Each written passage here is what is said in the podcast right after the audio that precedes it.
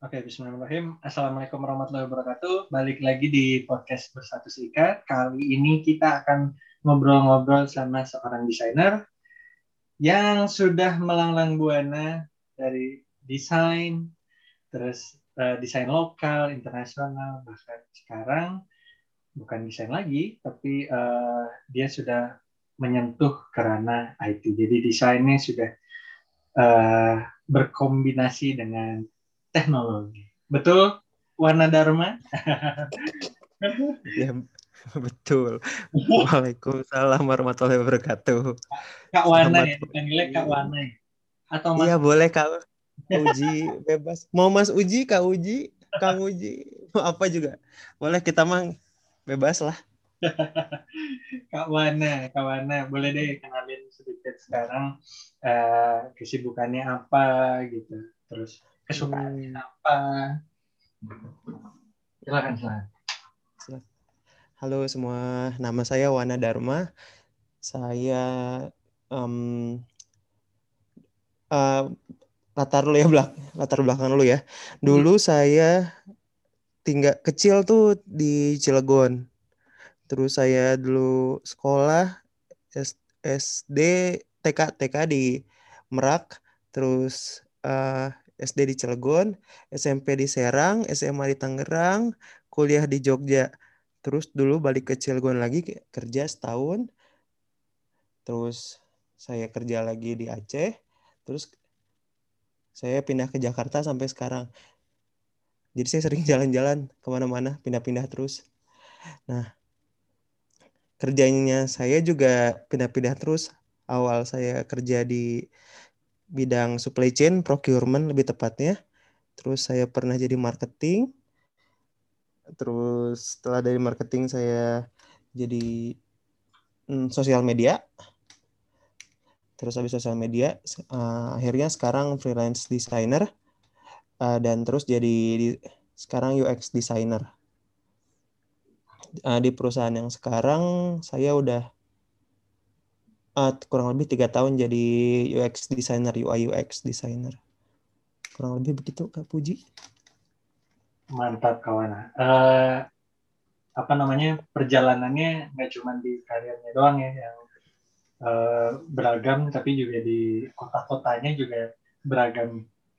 Nah waktu di Jogja itu uh, apa namanya uh, jurusan apa waktu itu? Jurusannya akuntansi nggak ada hubungannya sama kerjaan ya. Itu kan. Akuntansi dengan background akuntansi sekarang jadi UX designer.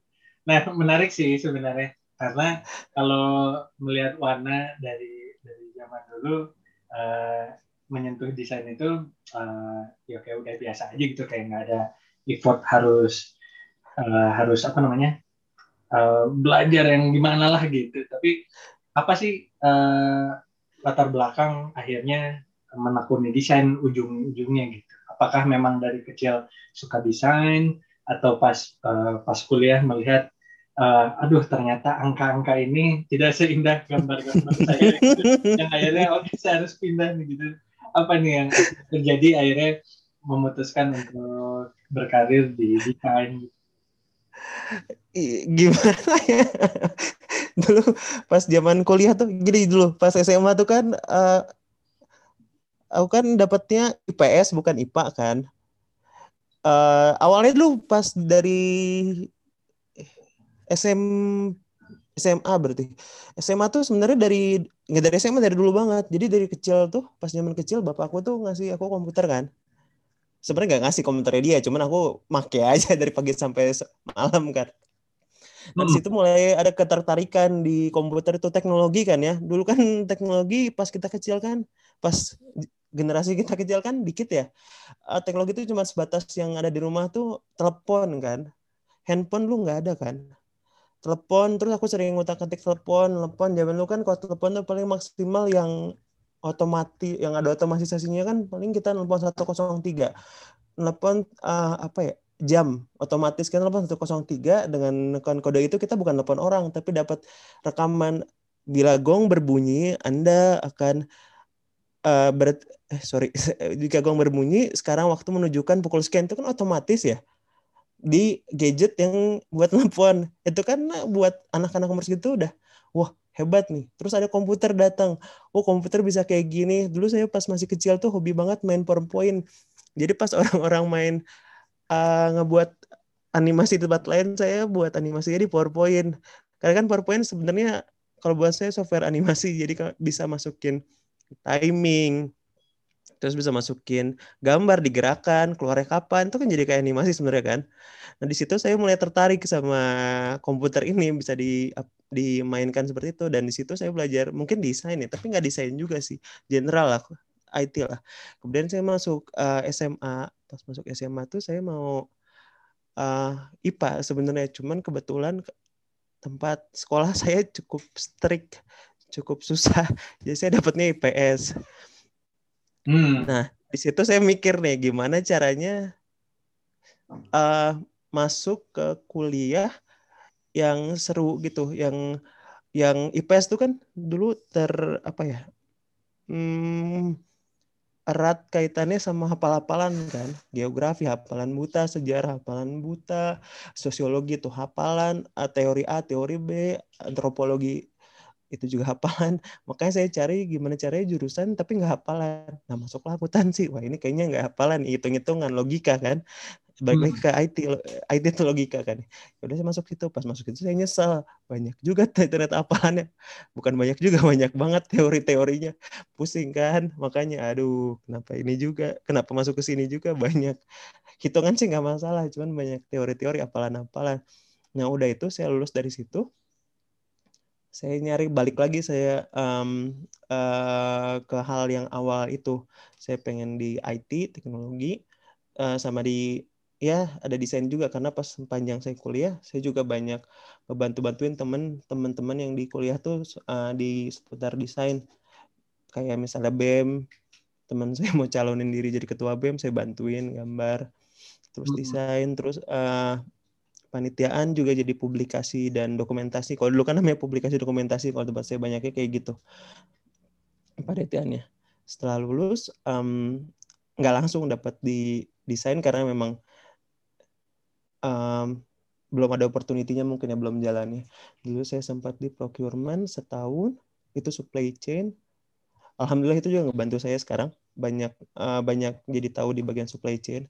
Nah terus udah itu saya pindah ngebantuin teman saya di Aceh itu setahun tuh marketing juga belum ketemu di situ nggak nyampe setahun sih setengah tahun mungkin nah balik ke Jakarta lagi uh, saya pengen gimana caranya masuk ke IT um, teknologi terus desain. Tapi ya lumayan susah juga kan dapetnya soal background saya udah satu tahun setengah di tempat lain. Terus uh, saya nggak punya background formal. Jadi saya gimana caranya nyari-nyari kerjaan. Akhirnya saya ketemu di perusahaan startup yang Kang Puji mungkin tahu juga. Hmm. itu.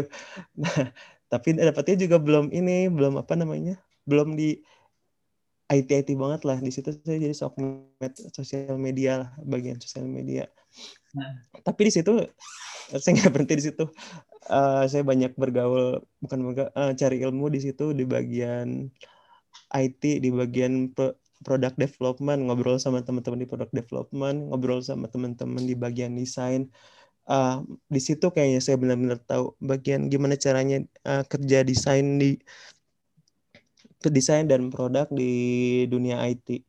Di situ saya banyak belajar. Uh, setelah saya keluar dari situ, akhirnya saya nyari uh, freelance sama teman saya berdua. Um, fokusnya di uh, desain, tapi kalau misalnya kita ngedesain buat aplikasi atau website buat klien itu kan mau nggak mau kita juga sebenarnya ngedesain produk buat mereka. Jadi hmm. uh, secara langsung saya juga banyak belajar ngebuat produk, tapi yang base-nya bukan dari prinsipal dari atasan, tapi dari klien. Nah setelah dari situ berapa lama akhirnya ada orang yang nge-hire kami berdua, terus kita, sekarang saya masuk ke uh, perusahaan desain sih sebenarnya. Itu kalau misalnya ditanya apa yang ngebuat pengen desain? Dari dulu pengen desain. Terus akhirnya setelah perjalanan panjang itu akhir baru masuk ke desain sih. Lumayan panjang perjalanannya. Begitu ceritanya.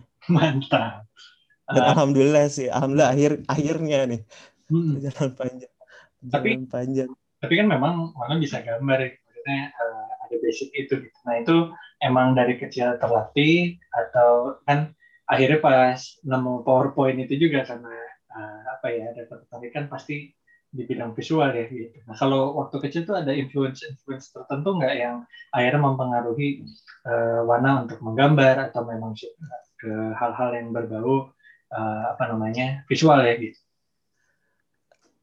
Komik sih kayaknya kalau misalnya zaman kecil lu nggak terlalu banyak majalah desain kan majalah desain tuh saya baru baru banyak SMA ketemu teman-teman yang sehobi. Cuman kalau SMP nggak ada jadi pas masih kecil tuh lebih ke komik sih komik-komik Jepang itu. Doraemon Ninja Hattori. Saya ngoleksi Ninja Hattori sampai selesai sih dulu. Sama Doraemon dulu. Jadi kalau misalnya saya sekolah lagi ngedengerin guru bosan gambar. Jadi catatan saya lebih banyak gambar ya daripada ininya sih lebih banyak gambar daripada tulisannya. Terus sama sketching sketching sama ini uh, yang mungkin beda dari teman-teman yang lain tuh kadang tuh saya um, guru nerangin apa, saya nerjemahin jadi hal yang lain terus dirubah jadi visual gitu loh. Misalnya uh, nerangin tentang uh, teori sosiologi atau antropologi hmm. yang ini yang apa uh, Maslow, Maslow yang needs, basic needs. Oh, iya, nah, iya. itu kan ngejelasin nih piramidanya itu. Nah, kan dia ngejelasin nih piramida yang basic di sini apa, terus ini sampai yang paling kecil itu yang paling ujung. Nah, sama saya nggak saya tulis, tapi saya buat gambar piramida itu, saya gambarin gitu basic needs tuh digambar. Nah, itu sih kayaknya emang suka sketching dari dulu saya. I see. Nah, intinya kan mm -hmm. uh, berarti kan saat dulu melihat guru aja uh, udah tahu nih si guru problemnya ngasih teks nih banyak ayo deh iya. mudah untuk divisualisasikan nah sekarang iya. kerjaannya adalah uh, juga seperti itu kan klien atau uh, kolega punya problem mm -hmm. terus akhirnya divisualisasikan gitu dibahasakan gitu mm -hmm. uh, di bahasa visual nah uh, Wan nah tapi kan sempat tuh waktu itu uh, senang banget saya dapat berita yang istilahnya uh, kejutan nih waktu kita lagi rame line akhirnya Wana bikin stiker lain gitu nah boleh cerita nggak itu dari awalnya terus akhirnya submit uh, keterima terus eh, apa namanya setelahnya juga kayak gimana gitu itu sih yang lain sebenarnya iseng-iseng soalnya kan uh, pas itu uh, lain lagi populer-populernya kan ya di Indonesia iya nggak Kang? Iya, lagi tinggi banget ya kayak WhatsApp sekarang. Ya. Iya, ya. iya, iya. Dulu kan uh, aplikasi itu yang yang bisa dibilang yang rich feature tuh yang populer kan ya, bukan yang light kayak sekarang kan ya. Hmm. Jadi tuh pas itu saya ngeliat itu banyak, saya juga di komunitas pas itu komunitas desain gitu, bukan sorry bukan desain ilustrasi, pas itu saya lagi gandrung-gandrung di ilustrasi ilustrasi gitu. Uh, kan seru ya sebenarnya kalau misalnya karya kita bisa di share tapi kan karya kita tuh uh, paling enak di share itu kan di uh, apa ya di kehidupan sehari-hari. Yang paling gampang pas tuh banyak kita lagi sering pakai chat. Jadi gimana caranya supaya karya kita di share di chat. Nah, terus saya cari tahu. Nah, kebetulan pas itu si lain di antara semua yang ada WhatsApp lain itu cuman lain yang punya fitur itu fitur uh, namanya creator uh, apa ya? Creator uh, creator market apa apa gitu. Saya lupa udah lama. Nah jadi kita bisa nge-submit karya kita di situ. Ntar kalau kita nge-submit um, si lain bakal nge-review. Nah kebetulan yang buka pertama kali mereka stiker. Jadi langsung aja saya dan beberapa teman saya yang lain juga langsung oh kita coba aja nih submit stiker. Lumayan juga ya duit. Soalnya sebelum kita tuh memang udah ada orang Indonesia beberapa yang sekarang jadi lumayan populer yang bahkan jadi webtoon dia ngebuat duluan. Saya lupa nama webtoonnya apa. Pokoknya ada aja gitu makanya saya, kita coba juga sekalian Aji mumpung. Aji lagi ini lagi apa lagi populer lagi naik daun. Sama kita juga kan pengen ya chatting pakai stiker kita sendiri sebagai kita kreator kan. Nah makanya kita di situ nyobain sama beberapa teman di komunitas juga. Dan setelah lumayan panjang soalnya pas awal itu uh, pas awal baru buka lain itu lumayan panjang dia uh, reviewnya nggak kayak sekarang. Kalau sekarang mungkin cepet ya submit sama dia di review dikit cepet. Nah dulu tuh strict banget. Nah pas udah kita jadi flownya kita buat review uh, terus di uh, kasih feedback sama mereka terus di review lagi udah itu ntar ya udah selesai ditaruh di market sama mereka nah ketika ditaruh di market tuh happy banget kita semua yang teman-teman tuh langsung wah happy lah punya karya yang ada di digital uh, market ini market apa ya uh, stiker gitu. Kan cuma ada di line pas itu. Nah setelah itu kalau ada yang beli kita dapat masukan sekitar berapa puluh empat puluh kalau nggak salah. Empat puluh apa lima puluh persen. Nah setelah itu saya berapa kali dapat tapi nggak banyak sih. Lebih ke um, kepuasan diri sendiri sih kalau itu. Daripada penghasilan sebenarnya. Jadi nah. gimana? Iya gimana lanjut lanjut lo. Iya sih jadi kepuasan batin aja kan ngechat ke orang stiker terus kita mencet stiker sendiri gitu kan kayak happy gitu. Sebenarnya lebih ke itu sih. Dulu ya, alasan buat ya. Kayak bisa ada wah akhirnya ini gambar saya ini bisa dipakai buat ngebalesin chat-chatnya orang gitu ya. Iya. Kalau sekarang mungkin itu hal yang biasa soalnya kan ke WhatsApp punya fitur kan pakai third party untuk masukkan stiker kan. Yeah, Kalau dulu kan nggak bisa, sekarang bisa. Makanya sekarang marketnya mati kan stiker itu. stiker itu. Nah, tapi pembelajaran apa tuh Wan dari proses itu ya? Uh, yang Wana hadapi kan waktu itu lain juga gitu maksudnya uh, company besar yang nggak nggak cuma di Indonesia tapi dia uh, apa namanya punya punya base di berbagai negara gitu. Nah, tapi kalau waktu berproses itu mulai dari warna uh, ngebuatnya gitu sampai berhadapan dengan lain apa sih pembelajaran yang paling penting?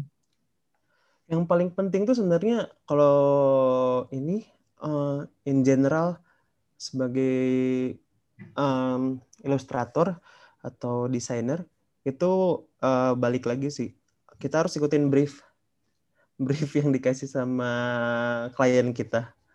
Soalnya sebagus-bagusnya ilustrasi atau desain yang dibuat, kalau misal nggak ikutin company briefnya, kan dia ngasih guideline brief yang nggak bakal diterima sama lainnya. Dulu tuh sampai ada yang kayak pixelnya kelebihan dikit, nah itu tuh lain langsung nggak mau nerima otomatis.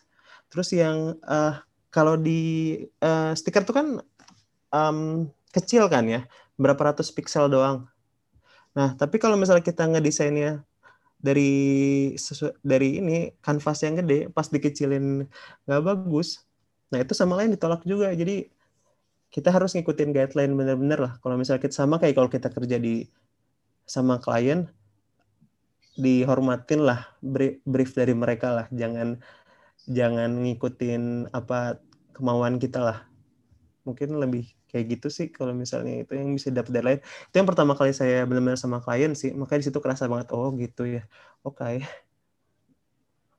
I see. Nah, kalau tadi ngomongin menarik nih. Kalau ngomongin akhirnya ada brief, terus juga ada ketentuan-ketentuan lainnya lah gitu, yang uh, diminta oleh si klien. Nah, uh, proses kreatifnya Wana nih gimana nih? Waktu itu gimana sih? Ataupun proses kreatifnya Wana sekarang tuh kayak gimana nih dalam membuat uh, suatu desain ya dan biasanya step-step apa sih yang Wana uh, lakukan gitu? Kalau yang stiker beda-beda sih. Kalau yang stiker tapi in general gini sih. Kalau misalnya desain uh, baca brief klien standar lah ya. Brief klien, oh gini maunya gini kliennya. Terus uh, kalau misalnya kliennya bisa ketemu ngobrol sama kliennya. Paling enak tuh emang ini sih ngobrol sih. Soalnya kan kalau sekarang kan dari UX jadi udah beda kan flownya sama yang dulu yang pas buat stiker gitu. Ya nggak sih? Kayak beda gitu nggak sih? Kan kalau sekarang kan UX tuh uh, uh, lebih pengen tahu dia tuh apa masalahnya. Kalau desain in general mungkin beda. Ini langsung fokus ke yang UX aja.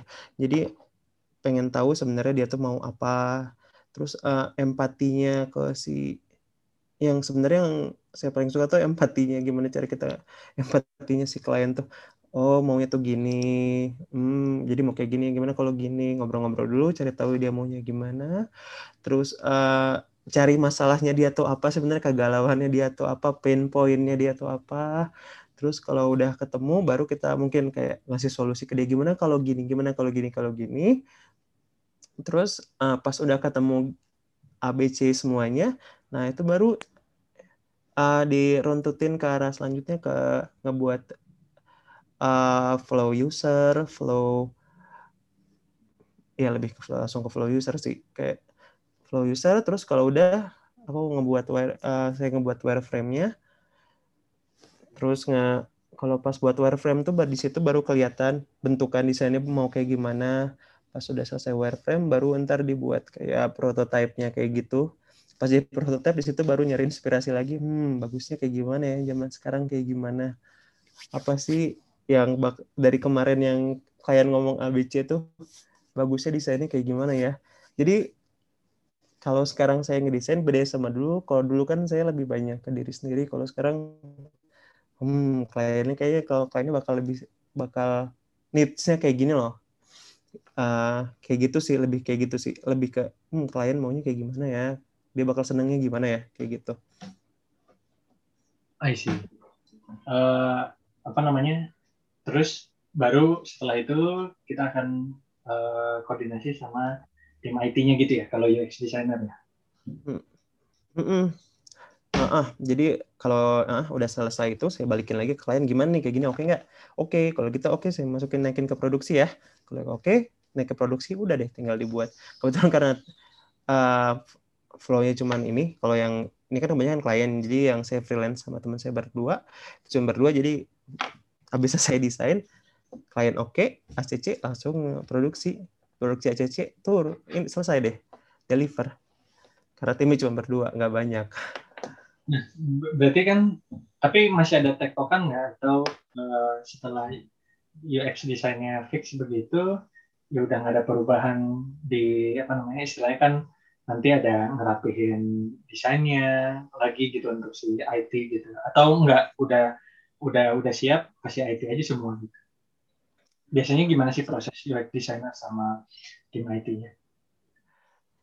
Um, kalau yang sesuai sama teori saya yang berlaku umum agak beda sih sama yang saya. Soalnya saya sama teman saya itu udah terlalu sering mungkin ya kerja bareng. Jadi saya kasih nih, misalnya kan kalau misalnya normally kan kalau misalnya kita deliver desain ke si uh, engineer kan kita kasih spek kan ya yang kayak fontnya apa, warnanya apa kan seperti itu ya hmm, normal ya.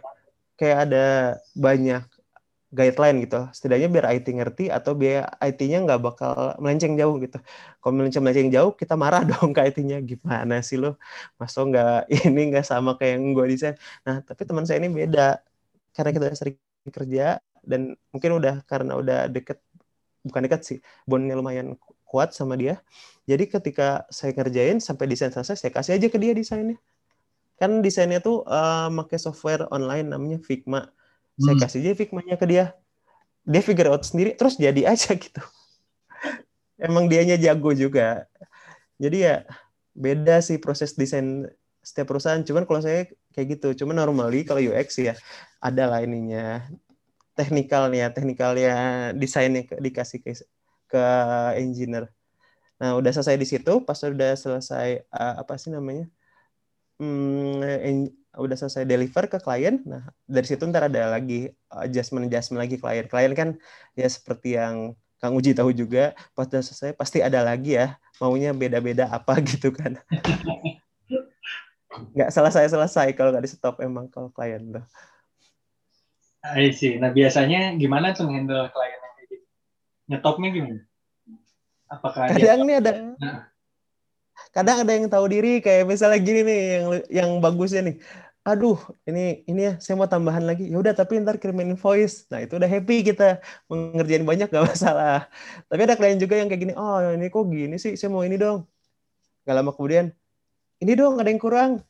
Ada ya udah kerjain aja. Soalnya ini apa mungkin kalau kliennya klien yang uh, enak, satu enak, dua dia um, recurring customer, customer yang udah sering, pasti bakal kita ladenin. Karena dia kan udah berhubungan baik sama kita. Tapi kalau yang customer baru dan gak menjanjikan, biasanya kita skip sih kayak, aduh maaf, kurang uh, tidak bisa kita tambah lagi karena sesuai sama udah sesuai sama ini apa sih namanya sesuai sama spek yang dikasih sebelumnya negosiasi aja sama mereka sih bahasa bahasa baik-baik lah Nah, biasanya bikin apa aja sih, Wan? Kalau sekarang uh, uh, nge-freelance-nya ini, akhirnya bikin apa aja? Apakah aplikasi aja atau ada website atau atau semuanya? Apa gimana sih permintaannya itu? Kadang se, sederhana apa atau sebesar apa sih biasanya yang pernah di handle sama Wana dan tim gitu? Kalau sama saya dari freelance ini biasanya website sama aplikasi. Tapi ya nggak nggak menutup kemungkinan untuk yang lain sih. Selama masih bisa di itu bentuknya masih produk produk digital bakal dikerjain. Cuman selama ini paling banyak website. Aplikasi cuman bisa ditangkap pakai jari. Website itu sendiri sih. Kebanyakan websitenya website campaign. Jadi misalnya ada uh, banyak kan recurring customer kita mintanya campaign sih. Jadi misalnya dia ada digital strategi uh, strategi digital A misalnya campaign A. Nah itu kan butuh landing page mereka misalnya uh, campaign produk A uh, muncul uh, dia berlaunching produk A, A produk B baru. Nah, itu kan dia butuh satu landing page yang nunjukin si produk B itu apa, manfaatnya apa, keuntungan buat customer apa, bedanya sama saingan pasarnya apa, standar lah ya campaign gitu. Nah, dia butuh landing page baru, mungkin di situ ada gamification-nya kayak misalnya kalau user uh, main game di sini terus jadi leader buat paling tinggi, terus mereka bakal dapat produk B gitu. Nah, biasanya kita buat seperti itu um, landing page landing page dengan value edit value edit tertentu. Seperti itu biasanya. I see. Nah itu biasanya berapa lama sih Wan proses itu? Kalau misalnya si klien uh, ke Wana nih, oke okay, ini mau bikin, terus Wana kan tadi ada proses juga uh, pengenalannya gitu ya PDKT-nya ngobrol-ngobrolnya, mm-hmm. seperti apa. Nah itu biasanya berapa lama, kemudian eksekusinya berapa lama, kemudian ke mereka lagi berapa lama biasanya? Kalau misalnya kita ke klien, klien tuh very ya kalau misalnya yang awal-awalnya, karena kan kita nggak tahu kliennya tuh jadwalnya bisa kapan-kapan kapan. Nah, cuman kalau misalnya dari yang ngobrol itu, kalau misalnya yang tadi yang saya bilang di awal yang ngobrol uh, empati itu paling cuma butuh sehari, cepat buat ngobrolnya, sampai tahu dia maunya apa itu cuma satu meeting aja.